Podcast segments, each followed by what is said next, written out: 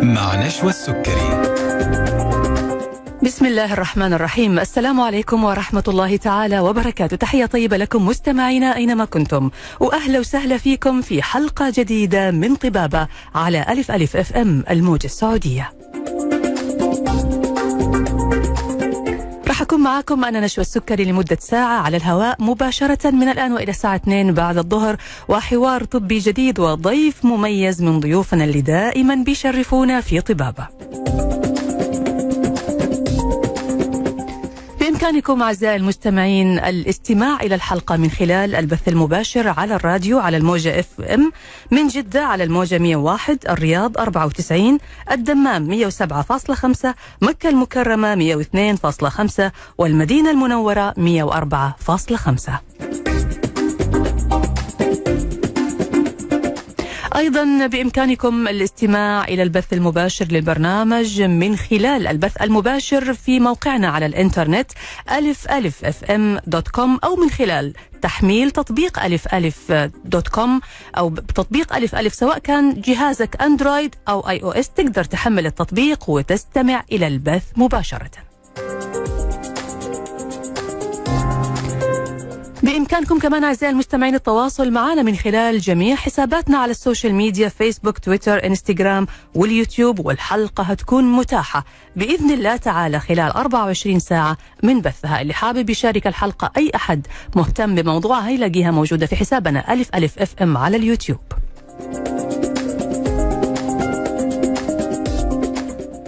بإمكانكم كمان التواصل معنا من خلال هاتف البرنامج 012 61 61 100 أو إرسال رسائلكم على واتس البرنامج 055 66 89 01 موضوع حلقتنا اليوم مستمعينا الأعزاء عن جراحات المناظير ما هي عملية المنظار أو جراحة المنظار؟ ما هو الفرق بينها وبين عمليات الجراحة التقليدية؟ ما هي الحالات التي قد يضطر فيها الطبيب للجوء لعملية المنظار؟ وعلى الجانب الآخر ما هي الحالات التي لا يمكن فيها استخدام جراحة المنظار؟ هل لها مخاطر؟ ما هي سلبياتها؟ ما هي إيجابياتها؟ العديد من الأسئلة هنطرحها على ضيف حلقتنا اللي بيشرفنا اليوم البروفيسور دكتور عبد الرحمن آشي استشاري الجراحة العامة والأورام والسمنة والمناظير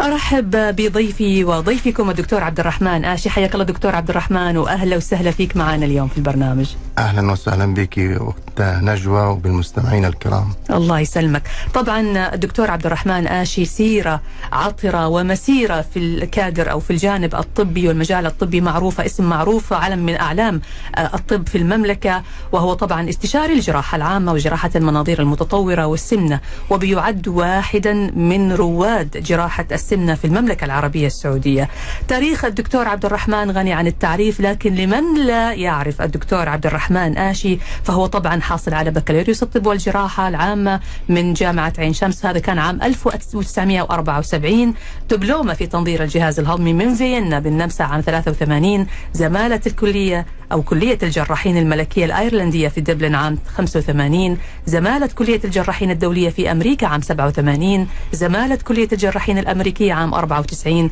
وحاصل طبعا على الدكتوراه في الأمراض الباطنية ودكتور عبد الرحمن يعني عمل كاستشاري الجراحة العامة والمناظير وجراحات السمنة لسنوات عديدة أهلته أن يشكل ركنا أساسيا مر- من أركان الفريق الطبي الخاص بمستشفيات أندلسية حي الجامعة اللي بتعتبر طبعا من أكبر وأعرق المستشفيات في جدة طبعا مجموعة أندلسية الطبية بتقدم كل ما تحتاجون من رعاية طبية لكم وعائلاتكم من خلال مجموعة من المستشفيات العامة والمراكز الطبية المتخصصة والعيادات الشاملة في جميع أنحاء المملكة منذ تأسيسها إلى هذا الحين لا تزال مجموعة أندلسية تحقق أهدافها وتقدم الرعاية الصحية بأعلى المعايير وباستخدام أفضل التكنولوجيا الطبية الحديثة هذه المقدمة دكتور عبد الرحمن كان لابد منها للتعريف بقيمة وقامة مثل حضرتك طبعا فأنت اليوم ضيف عزيز علينا في برنامج طبابة اشكرك اخت نجوى على هذه المقدمه يعني وانا هذه اعتبرها تاج على رأسي وسام على صدري يعني الله يسلمك بالعكس احنا يعني نتشرف بوجودك معنا اليوم دكتور موضوعنا اليوم طبعا في تخصص حضرتك الدقيق وحضرتك من رواد المناظير في المملكة اليوم بنتكلم عن جراحات المناظير نبغى نعرف ايش هي جراحة المناظير آه، ايش دورها ايش فائدتها كيف بتتم احيانا نتخوف من كلمة جراحة منظار لانه احنا ما نعرف كيف يعني بيتم جراحة المنظار رغم انه هي افضل او قد تكون اخف و- يعني واسهل على المريض من الجراحة التقليدية فخلينا نبدا مع حضرتك يعني نتكلم عن جراحه المناظير ولا سيما انه انتم يعني آه، ما شاء الله تبارك الله آه، الان عندكم آه، مستشفى اندلسيه الجديد وهو يعتبر آه، مستشفى او من احدث المستشفيات الذكيه في جده، فانا حابه برضو نبدا الحوار بمستشفى اندلسيه الذكي، وايش المقصود يعني بمستشفى ذكي؟ المقصود الحقيقي بالمستشفى الذكي هو المستشفى اللي يحتوي على جميع أنواع التقنيات الحديثة في العالم نعم، وهذه المستشفى الحقيقة يعني آه، بقيادة آه، طبعا آه، والدنا العزيز آه، الدكتور درويش وأخونا أيضا العزيز آه، الدكتور حازم ابنه آه، تو- توصلنا لهذه المرحلة في إنشاء هذه المستشفى وكان التخطيط لها منذ زمن طويل يعني نعم. والآن الحمد لله آه، توصلنا زي ما قلت إلى هذه المرحلة اللي فيها المستشفى الآن ذكي بم- بمعنى أنه مكتمل من جميع النواحي نعم، آه، سواء كانت النواحي الطبية أو المعمارية الهندسية أو الت- أو الرفاهية أو الفندقية أو أو كل ذلك وراحة المريض عندنا هي من أهم ال- الحاجات اللي احنا بتواقين إليها فعشان كده سموها ذكية بأن المريض يدخل من أول ما يدخل المستشفى إلى أن يخرج منها ما يكون في هناك أي عائق له في انه ي- يروح من يشوف الدكتور مثلا او الطبيب ثم يعمل له الفحوصات اللازمه واذا احتاج الى جراحه يتع- تعمل له الجراحه وكل هذا في في انس- في حركه انسيابيه زي ما تقولي وبطريقه كلها عباره عن طريقه ديجيتال ما فيها ورقيه ما فيها حاجات ورقيه ممتاز. فاي شيء انا بكتبه او غيري بيكتبه بيتشاف في جميع الاقسام فيكون علم عن هناك علم عند جميع الاقسام بحاله حاله هذا المريض المعين نعم. فعشان كده بيسموها ال- ال- ال- ال- ال- إيه المستشفى الذكيه في نفس الوقت احنا الحمد لله عندنا الان آه، آه، تقنيه عاليه جدا في العمليات الجراحيه بالذات وعندنا ما يربو عن عشرة آه، عم- آه، غرف عمليات ما شاء الله. ل- للجراحة بأنواعها سواء الجراحة العامة أو الجراحة التخصصية وهذه مزودة بأيضا التقنيات الحديثة جدا وبالنسبة للمناظير وغير المناظير وأيضا ب- بالنسبة للتهوية آه، ال- ال- ال- البوزيتيف أو الإيجابية اللي بتمنع حدوث الالتهابات آه، اللي قد اللي تحدث داخل الع- ال- الغرف حقت العمليات وبالذات في الجراحات المفتوحه فهذه طبعا يعني من الحاجات اللي هي م- آه، اهتمام العالم بها الان آه، ماشي يعني في طريقه ل- إلى للتقدم يعني بها يعني ان شاء الله ما شاء الله. فالحمد لله احنا حاصلين على هذه الاشياء و... وزي ما قلت لك يعني اهم حاجه انه المريض يدخل الم- المستشفى ويطلع منها هو مبسوط بانه آه، لقى الراحه التامه اللي هو يبغاها واكثر يعني سواء راحه طبيه او راحه اسمه إيه ده نفسيه يعني مهم. وطبعا كل هذا بيترتب عليه ما بعد الاجراء الجراحه انه بتكون حاله المريض افضل بيتم التشافي باذن الله أكيد. تعالى طبعا بشكل أكيد. اسرع أكيد طبعاً. أكيد وبتقلل طبعاً. المضاعفات مشاكل التلوث زي ما حضرتك نعم. تفضلت مشاكل نعم. الالتهابات نعم. جميل طيب ندخل الان في تخصص حضرتك بالنسبه لجراحه المناظير والاورام والسمنه آه، مبدئيا يا دكتور وبشكل مبسط آه، ايش هو مفهوم جراحه المناظير وايش الفرق بين جراحه المناظير والجراحه التقليديه العاديه والله الجراحة أساسا سواء كانت تقليدية أو جراحة بالمنظار الجراحي هي هي نفس الجراحة كجراحة في داخل بطن الإنسان أو داخل جسم الإنسان نعم.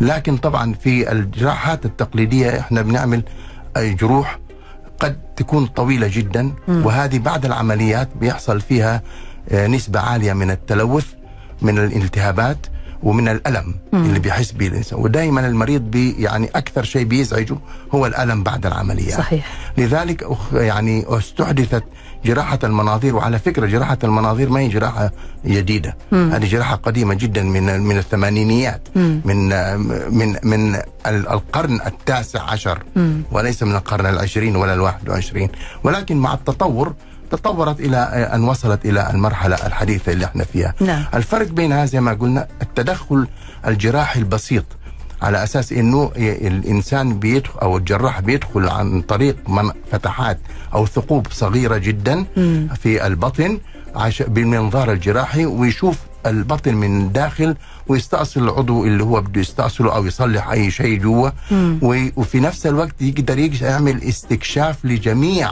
اعضاء البطن من او الصدر حتى كمان مم. من الداخل بدون الحاجه الى انه يفتح فتحه كبيره وبالتالي بعد العمليه بتكون النقاهه آه، اسرع بالنسبه للمريض ويقدر المريض حتى يرجع الى عمله بعد فتره ب- ق- قصيره جدا ب- بخلاف لو كانت عملت العمليه نفسها بشكل بالطريقه تقليدي. التقليديه نعم ممتاز هعرف من حضرتك كيف بتتم عملية المنظار كيف بيتم الاستعداد لها من قبل المريض طبعا كم بيستغرق وقت العملية إيش المتوقع لما يصحى المريض بعد إجراء عملية المنظار هذه الأسئلة وغيرها نطرحها على حضرتك ونعرف إجابتها بعد ما نطلع فاصل قصير ونرجع بعد نكمل حوارنا مع ضيفنا البروفيسور دكتور عبد الرحمن آشي استشاري الجراحة العامة والأورام والسمنة والمناظير نستقبل اتصالاتكم أعزائي المستمعين الهاتف في برنامج 012 61 61 100 ورسائلكم على واتس البرنامج 055 66 89 01 فاصل وراجعين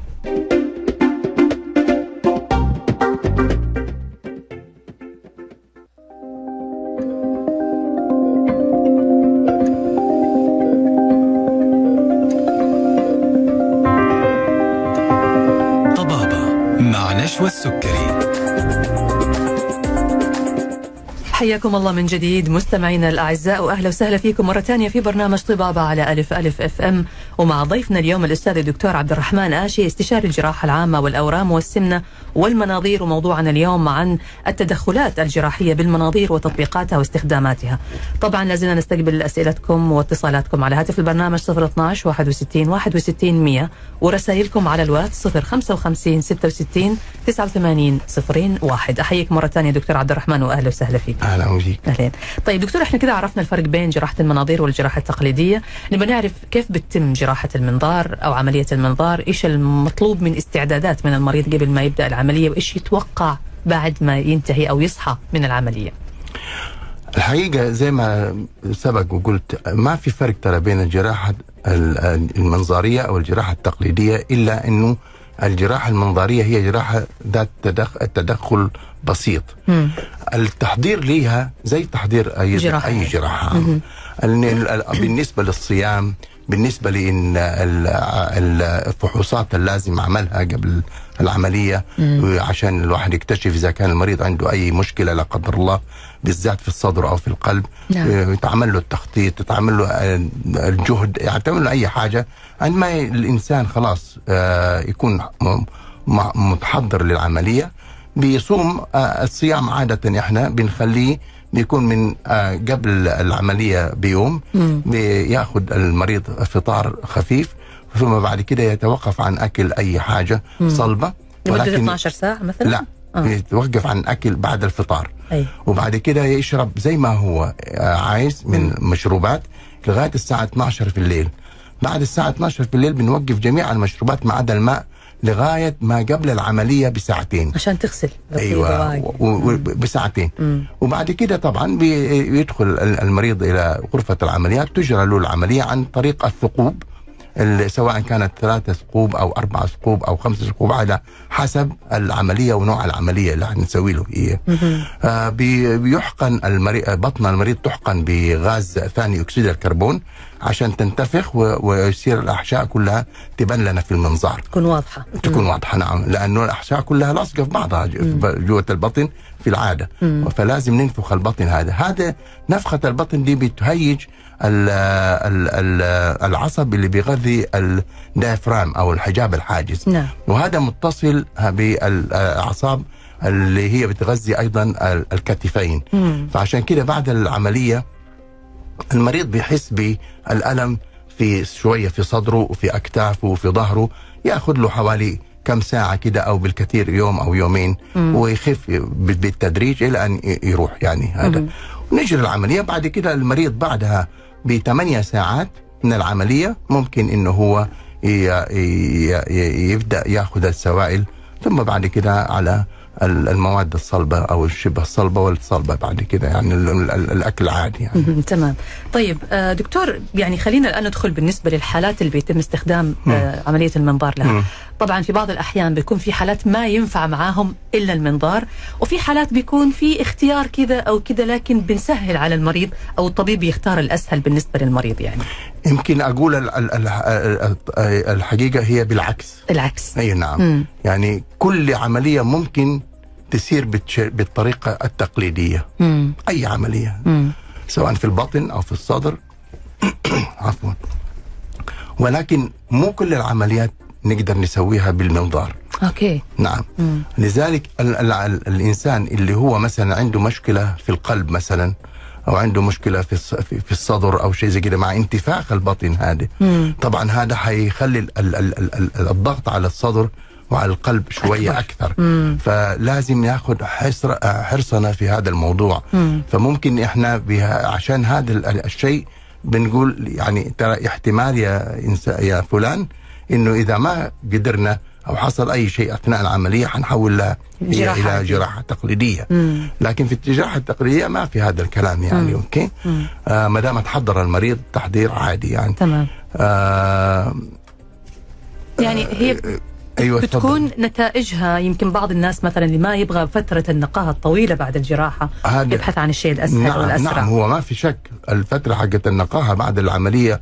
بالطريقه المنظاريه او المنظار الجراحه مم. اسرع و- واحسن والالم كمان اقل مم. وهي كل ما يقل الالم كل ما تكون فتره النقاهه اقل الحاجه الثانيه اللي هي ممكن تخ... نجد... ن- يعني آه يكون هناك في ف- فرصه ان احنا ما آه إن- ان نحولها لعمليه تقليديه هو وجود التصاقات شديده جوه البطن أوكي. ايوه فهذه تجي نتيجه تكرار فتح البطن مم. قبل قبل العمليه اللي هي بطريقه المنظار مم. فهذا في غ- اغلب الظن آه، انه حتتحول الى عمليه فتح آه، تقليدي يعني مهم. و- ولا- وب- ويكون المريض بعلم بها يعني من قبل العمليه يعني. مهم. تمام طيب نتكلم يا دكتور عن العمليات اللي بيتم استخدام جراحه المنظار فيها مثل ايش كل شيء كل شيء كل شيء في البطن او في الصدر نعمل فيه ممكن عمله بطريقه ال- ال- الجراحه المنظريه مم. ولكن اذا تعذر ذلك زي ما قلت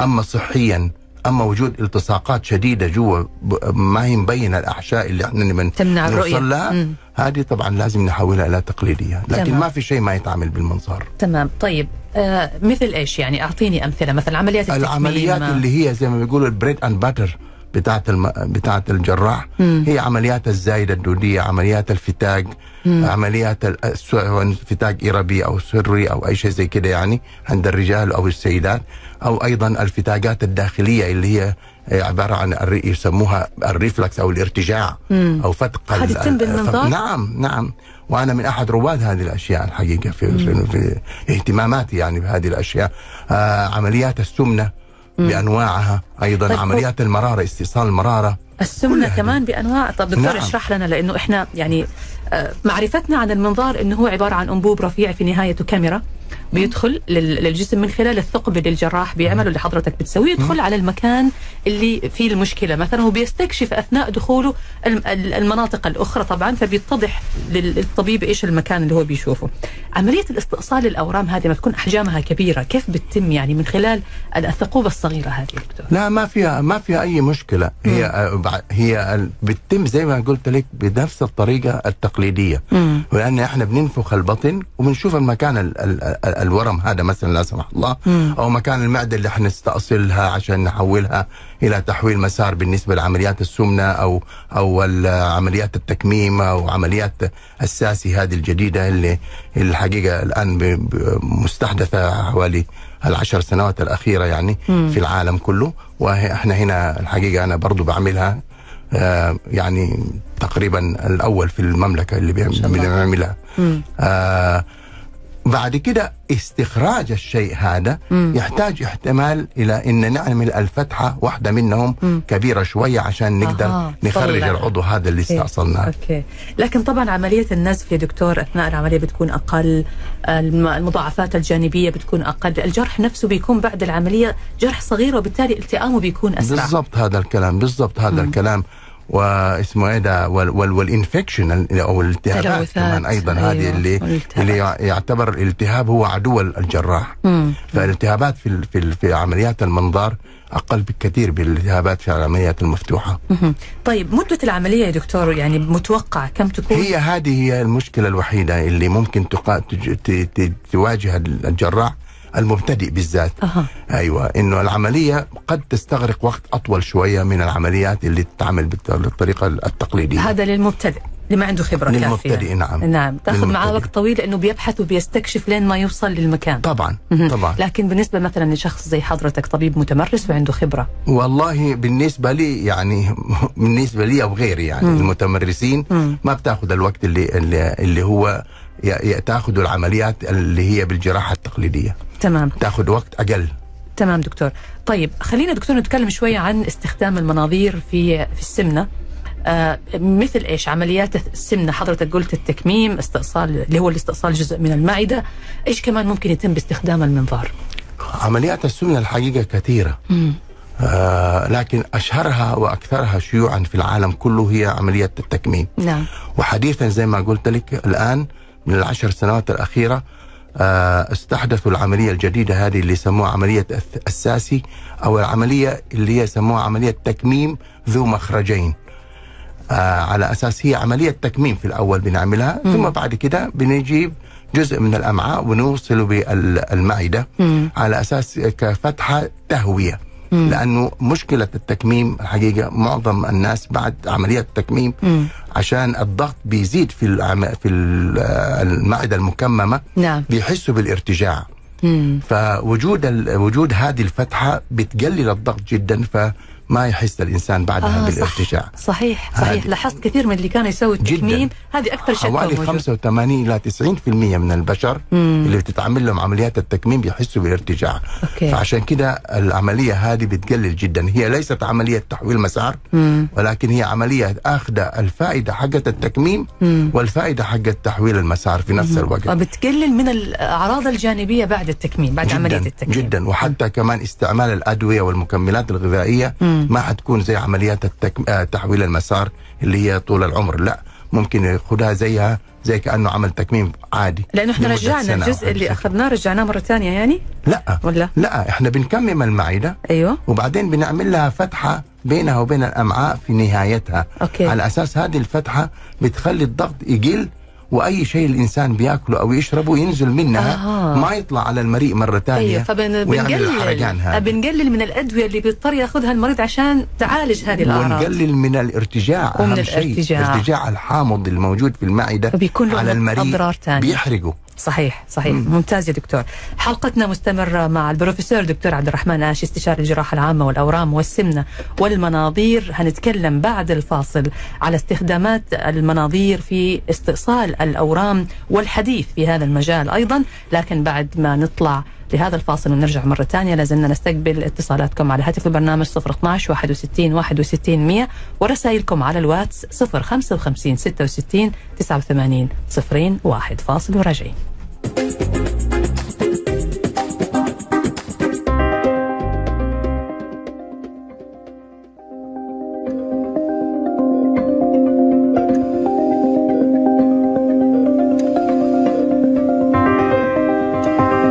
طبابة مع نشوى السكري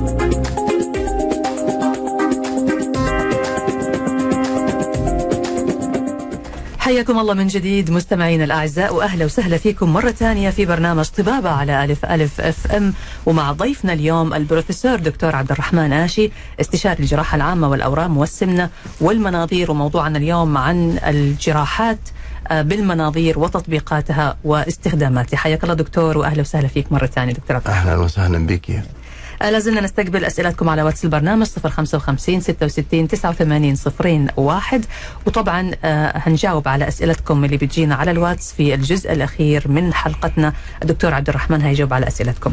طيب آه، نرجع دكتور الان بالنسبه لجراحه المناظير وتخصص حضرتك يعني الدقيق ايضا الاورام. آه، استخدام المنظار في استئصال الاورام اعتقد انه بيسهل كثير على المريض خاصه انه اغلب الناس يبحثوا عن فتره نقاهه قصيره بيكون مرتبط بعمل عنده التزامات معينه فقد ايش جراحه المناظير بتسهل في اجراء هذه الجراحات في الواقع ب- بتسهل كثير جدا الحقيقة لأنه أولا زي ما آه، ذكرت سابقا أنه الجراحات التقليدية بالذات في الأورام مم. بتحتاج إلى أنه آه، البطن بتتفتح فتحة شوية كبيرة مم. علشان ال- ال- الاستكشاف أولا مم. واستئصال الورم وما يصاحب الورم من آه، انتشار مثلا في أي مكان سواء في الغدد الليمفاوية أو في الكبد أو في أي مكان آخر مم. بال- بال- بال- بال- بالمنظار احنا بنستكشف ونشوف ايش اللي هو يمكن استئصاله فبنستأصله عن طريق هذا المنظار وبعدين بن- زي ما قلت لك بنوسع ف- الفتحه عشان نطلع ال- ال- الورم هذا و- وما ي- وما يصاحبه من آه، آه، آه، ال- ال- ال- آه،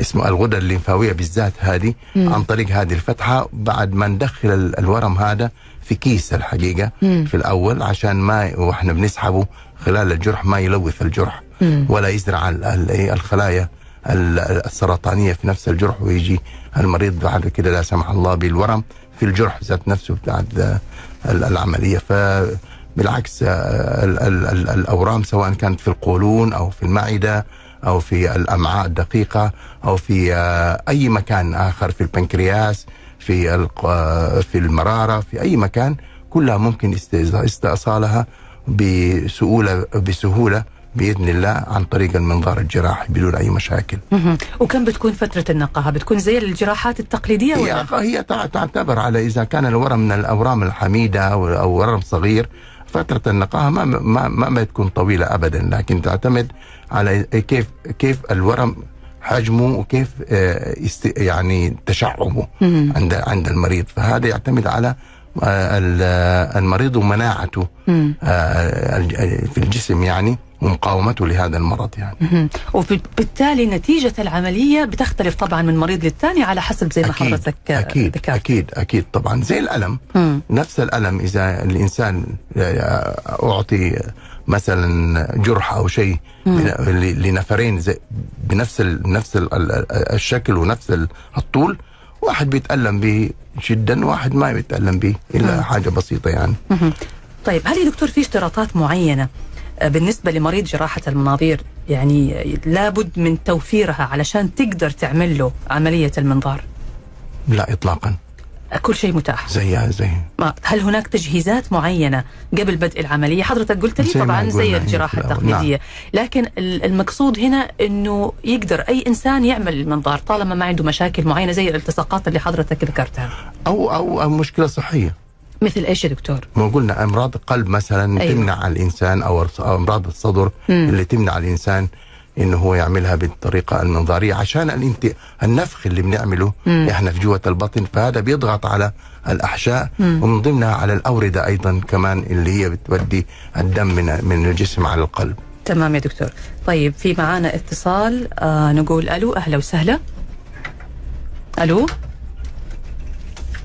هلا بلا يا اهلا وسهلا أنا مقطوع عند ألف ألف في داعي عفوا معلش ال- الاسم تفضل أنا عبد عبد المال أقول لي داعي أنت مقطوع الصوت ما هو واضح ماني أقول قادره لي داعي مقطوع الاذاعه ايش معلش مقطوع واقفة لي داعي الاذاعه طيب اخوي معلش ارجع اتصل علينا مره ثانيه لو تكرمت طيب دكتور الان يبدو لي انه في مشكله في الاتصال او في مشكله ما هو قادر يستمع للبث يمكن طيب آه، دكتور بالنسبه للناس اللي عندهم سيوله في الدم طبعا اللي عنده سيوله معروف انه في كل انواع الجراحات هتكون عنده مشكله هل في جراحه المنظار بالنسبه له تكون خيار افضل من الجراحه التقليديه لا هو هو هو هو نفس زي ما قلت هي الجراحه هي الجراحه مم. فالجرح هو الجرح سواء كان كبير او كان صغير مم. ولذلك الناس اللي هم عندهم سيوله في آه، الدم مهم. لازم نوقف ادويه الداء السيوله هذه لفتره معينه آه، قد تكون ثلاثة أو أربعة أو كمان خمسة أيام قبل العملية اوكي ثم نبدأها بعد بعد العملية إن شاء الله بعد ما نتأكد إنه العملية أجريت بسلام وأمان مم. بعدها ان شاء الله بست ساعات او ثمانية ساعات او بالاكثر عن ثاني يوم يبدا ياخذ الادويه حقته مره ثانيه لكن انه ياخذ انسان ادويه السيوله ونعمل له العمليه طبعا ها، اي اي جرح هينزف مم. اكيد ما فيش يعني كلام. يعني هي هنا حاله عامه سواء كان جراحه تقليديه او اي جراحه اي جراحه تمام. حتى لو خلع ضرس اكيد صحيح نعم. طيب بالنسبه لمرضى السكر برضو يا دكتور مرضى السكر الحمد لله ما في الاشكال ال- ال- ال- ال- ال- ال- اللي كان زمان يعني مم. مرضى السكر احنا بي- بنشوف المريض اذا كان السكر حقه كنترولد يعني آه، م- م- منتظم مم. او غير منتظم اذا غير منتظم بي- بي- بناخذ يوم او يومين ننظم له هو وبعدين بيخش وعاده طبعا حتى المريض لو كان بياخد قبل العمليه آه، الادويه حقته عن طريق الفم بنحولها اثناء العمليه وبعد العمليه بيوم او يومين عن طريق الانسو- الحقن يعني حقت الانسولين ثم بعد كده يرجع ثاني مره ياخذ العلاج حقه الطبيعي ايضا كمان آه، يعني أز- ازيد على كده الناس اللي هم عندهم الضغط العالي مم. الضغط العالي هذول لازم احنا آه، اسمه ايه ده ننظمه وهذا طبعا بيحتاج ان ان المريض ي- ي- يعرض على دكتور آه، القلب عشان يعمل له الاجراءات اللازمه واذا انتظم آه، الضغط ساعتها ان شاء الله نعمل العمليه لكن والضغط عالي ما ينفع انه الانسان يعمل عمليه الا اذا كانت عمليه طارئه اها عمليات طارئه ان شاء الله حتى اي حاجه يكون معاني منها الانسان لان هذه عمليات حياه او موت مم. فلازم هذه العملية تجرى وكل الناس عارفين انه نتيجتها قد تكون سلبيه قد تكون ايجابيه ولازم يقبل بها لانه ما في اي خيار اخر مم، تمام طيب نروح يا دكتور الان شويه لاستخدام المنظار التشخيصي احنا تكلمنا الان عن استخدامات المنظار في الجراحات المنظار التشخيصي طبعا ما له بديل اعتقد هو الافضل في تقييم حاله المريض بالنسبه لامراض الجهاز الهضمي المنظار التشخيصي عندنا فيه نوعين من او ثلاثة انواع من المناظير التشخيصيه منظار للمريء للجهاز ال- الهضمي العلوي العلوي ومنظار للجهاز الهضمي ال- ال- السفلي مم. ومنظار للقنوات المراريه مهم. المنظار حق الجهاز الهضمي العلوي هو المنظار اللي نشوف فيه ال- المعدة والأم والاثنى عشر والمريء تمام والمنظار ال- ال- السفلي هو اللي بنشوف فيه القولون مم. أما منظار المرارة فهذا اللي بنشوف فيه القناة المرارية اللي هي داخلة في الكبد وفي المرارة و- ون- وبعدين نازلة على الاثنى عشر على- يعني على الأمعاء مهم. فهو قد يكون فقط تشخيصي مهم. نشوف ايش السبب واذا كان ما احتاج الى إيه، علاج جراحي بنديله ال- آه، للمريض الادويه ال- ال- المضاده لذلك او اللي هي يعني المفترض يع- تعطي للشفاء ان شاء الله. اما منظار ال- ال- ال- ال- ال- الت- ال- ال- العلاجي فهذا اذا لقينا مثلا ورم صغير او مثلا لقينا قرحه او حاجه زي كده نبغى ناخذ منها عينه او شيء فهذه ب- يسموها الم- المنظار ال- إيه، الجراحي ال- التداخلي. تداخلي. او آه، مهم. آه، ال- ال- ال- كذلك بالنسبه لل- للمنظار ال- السفلي مم. هذا بنستعمله على اساس نشخص المرض اذا كان في هناك مثلا احد بيشتكي من الام في في ال- في القولون او احد بيشتكي من نزيف آه، شرجي. شرجي من برا مم. آه، او احد بيشتكي من امساك آه، و- م- مزمن. آه، مش امساك مزمن لا اللي امساك يلي اسهال امساك يلي آه. اسهال مهم. والام في البطن فقد يكون هذا نتيجه وجود ورم او شيء زي كده مم. وناخذ العينه من من هذا اللي احنا بنلاقيه مم. المنظار الثالث اللي هو منظار ال- ال- ال- القناه المراريه هذه في حاله آه، اصابه اي انسان بالصفاري مم. يعني واحد مثلا جاء وحس انه هو عينيه اصفرت او جلده اصفر او بوله الله يعزك صار داكن كده كالشاي او لون الشاي والقهوه مم. هذا نتيجه انسداد موجود مم. في القناه المراريه مهم. فهذا الانسداد قد يكون انسداد بحصوه وهذا في الغالب مم. او قد يكون انسداد نتيجه وجود ورم حميد او ورم خبيث فبندخل بالمنظار هذا التشخيصي للقناه المراريه واذا في حصوه بنسحبها ونشيلها واذا كان في ورم ولا شيء زي كده بناخذ منه عينه وبعد كده نحضره للعمليه ال- الاساسيه يعني تمام حلقتنا مستمرة معك دكتور بروفيسور عبد الرحمن آشي استشاري الجراحة العامة والأورام والسمنة والمناظير هنطلع فاصل نرجع بعد الفاصل نعرف من حضرتك أهمية المنظار كوقاية للوقاية من الأمراض المختلفة أو الأورام ومتى المفروض أنه يبدأ الواحد يخلي المنظار هذا روتين أو نظام في حياته عشان يحمي نفسه مستقبلا بأمر الله طبعا أولا وأخيرا أعزائي المستمعين لازلنا نستقبل أسئلتكم على واتس البرنامج 055 66 89 01 وهنجاوب على أسئلتكم بعد الفاصل إن شاء الله تعالى وبعد ما نخلص محاور حلقتنا فاصل وراجعين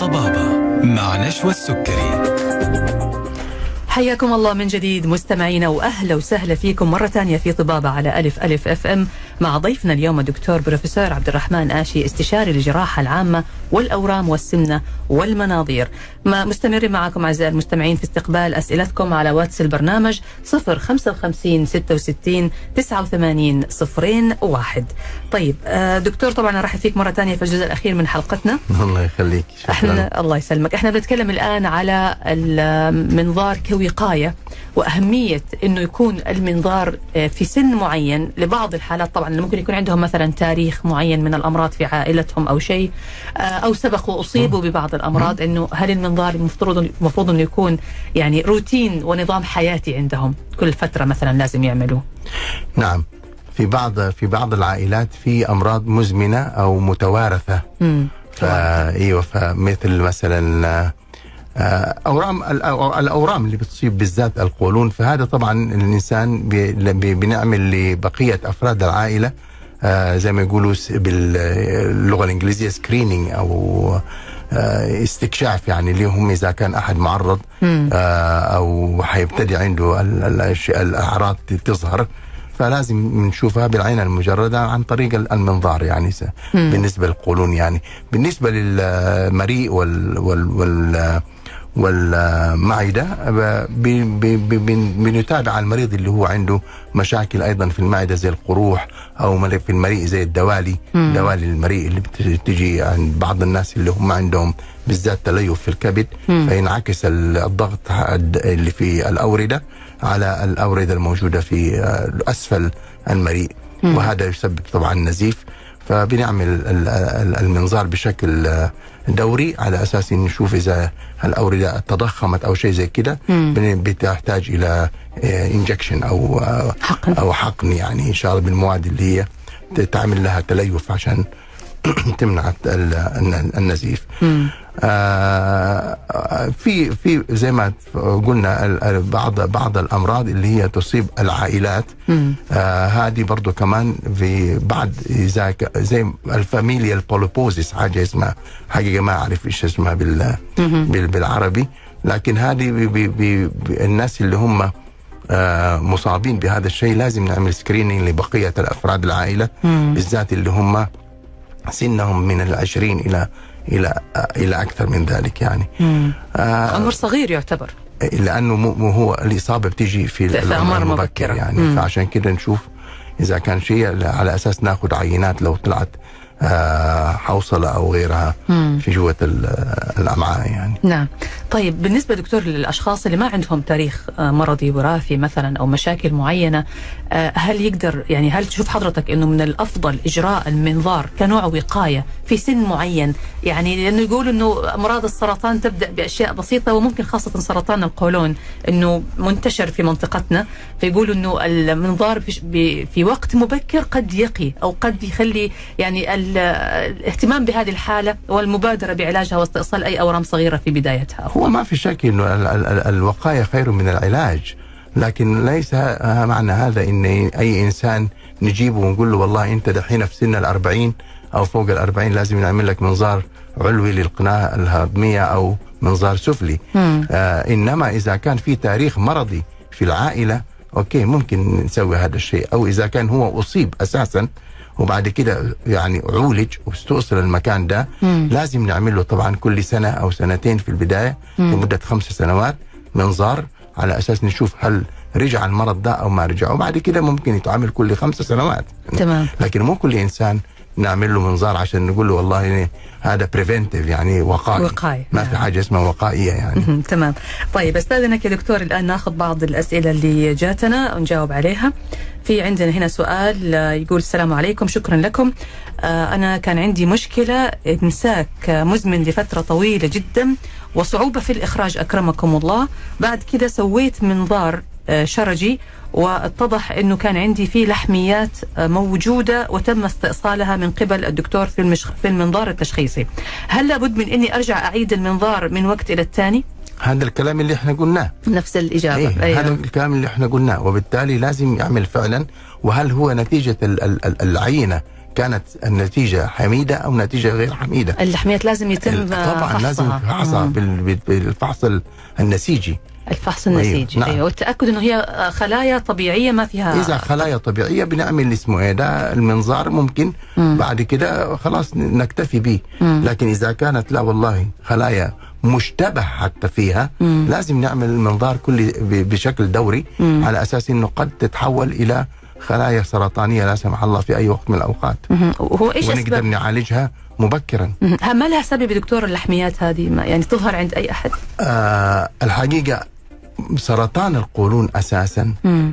أي إيه، في المناطق اللي هي زي تقريبا منطقتنا هنا والنوعية الأكل والشرب عندنا مم. اللي معتمد على آه، البروتينات أكثر منها عن ال- الألياف مم. زي ال- ال- اللحوم وال- والأرزاز والأحشاد هذه اللي بتسبب الإمساك هذه بتسبب في في بعض ال- المواد آه، الكيميائية موجودة في ال- في الطعام هذه بتتحول إلى مواد مسرطنة وهذه ب- مع وجود الامساك ووجود ال- ال- ال- ال- آه، البراز بشكل يابس يعني يع- يع- يحصل التصاق مباشر بينها وبين ال- القولون او الغشاء المخاطي للقولون ومع مد- مع المده الطويله والاحتكاك هذا قد يحول الخلايا الطبيعيه حقت القولون الى خلايا آه، يعني شبه سرطانيه وتبقى بعد كده تتحول الى سرطانيه فلذلك احنا بننصح دائما وابدا الانسان بانه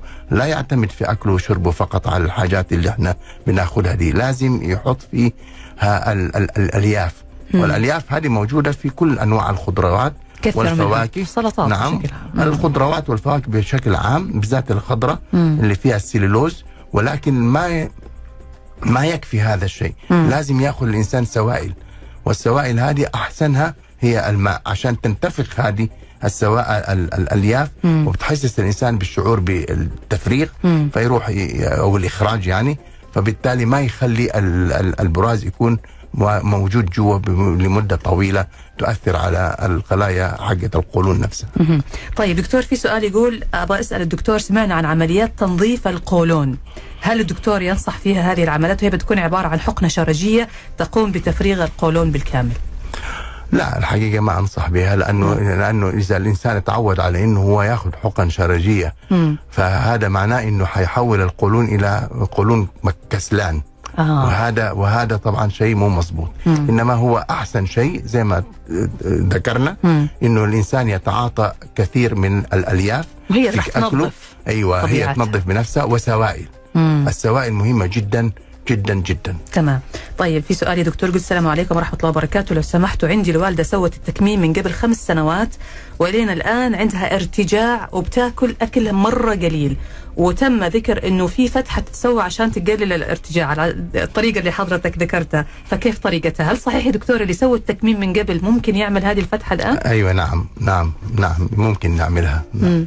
وتعطي نتيجه كويسه رغم انه هي مسويه التكميم من خمس سنوات ايوه ايوه جدا ما في شيء مشكله طيب ممتاز بالعكس يمكن انا كان عندي قبل اسبوع واحد كان مسويها من ست سنوات ومسكين مم. ما يقدر ياكل ولا يشرب لدرجه انه نزل وزنه من 150 الى 50 كيلو اوف فصار يعني بعدين لما نصحته بهذه العمليه وعملنا له هي الحقيقه بعد اسبوع ما شاء الله تبارك الله صار يبغى ياكل على راي والدته يبغى ياكل الرز واللحم ما شاء فقلت له الله. لا استنى علي شويه لا مو كذا يعني. يعني صحيح انك مبسوط انه رجعت لكن بس شويه شويه حبه حبه نعم عموما الف سلامه يعني على الوالده وتقدر تتواصل مع الدكتور عبد الرحمن اشي الدكتور زي ما تفضل قال ممكن يعمل هذه العمليه وترتاح باذن الله تعالى من موضوع الارتجاع اللي عندها طيب آه، سؤال كمان يا دكتور يقول سمعت في آه، على الانترنت على اليوتيوب انه الانسان لما يكون في عنده اصوات عاليه في البطن في منطقه القولون بدون سبب معين فالمفترض انه يجري منظار يتاكد انه قد يكون هذا السبب لوجود اورام ابغى اتاكد من الدكتور من هذه المعلومه لا لا الحقيقه اكثر شيء بيصيب القولون هو القولون العصبي امم وهذا طبعا إيه اسمه ايه ده ممكن يسوي المنظار ما في ما في ما وقاية، في ما في اسمه اطمئنان. إيه ده ما في مشكله يعني مم. وممكن ايضا يسوي ع- إيه اشعه بالصبغه ويعرف اذا كان في لا سمح الله آه، يعني اي اي مرض في جوه القولون مم. لكن م- مش معنى كده انه هو هذا السبب الاساسي سرطان او غير سرطان لا مهم. يعني برس- برضو الوقايه خير من نعم. آه، العلاج يعني نعم. نعم ما تمام في شك تمام يا دكتور أنا بشكرك جزيل الشكر البروفيسور دكتور عبد الرحمن آشي استشاري الجراحة العامة والأورام والسمنة والمناظير شكرا لوجودك معنا دكتور وشكرا للمعلومات القيمة اللي حضرتك أضفتها لنا في برنامجنا اليوم العفو لك آه، واشكرك جزيل الشكر اخت نجوى نشوى سوري انا الله ب- لا عادي بنسى كل الاسم. واحد بالنسبة لي وايضا اشكر آه، اذاعه الالف الف آه، الموجه السعوديه يعني. الله يسلمك يا دكتور الشكر يعني لحضرتك والشكر لكم أنتم أيضا مستمعينا الأعزاء نلقاكم على خير في الأسبوع المقبل انتظرونا يوم الأحد القادم بإذن الله تعالى حلقة جديدة موضوع جديد وضيف مميز جديد من ضيوفنا في برنامج طبابة تقبلوا تحياتي أنا نشوى السكري ومخرج هذه الحلقة الأخ رائد باراجي وطبعا نترككم الآن مع زميلنا عادل بارباع وبرنامج من حقك في حفظ الله ورعايته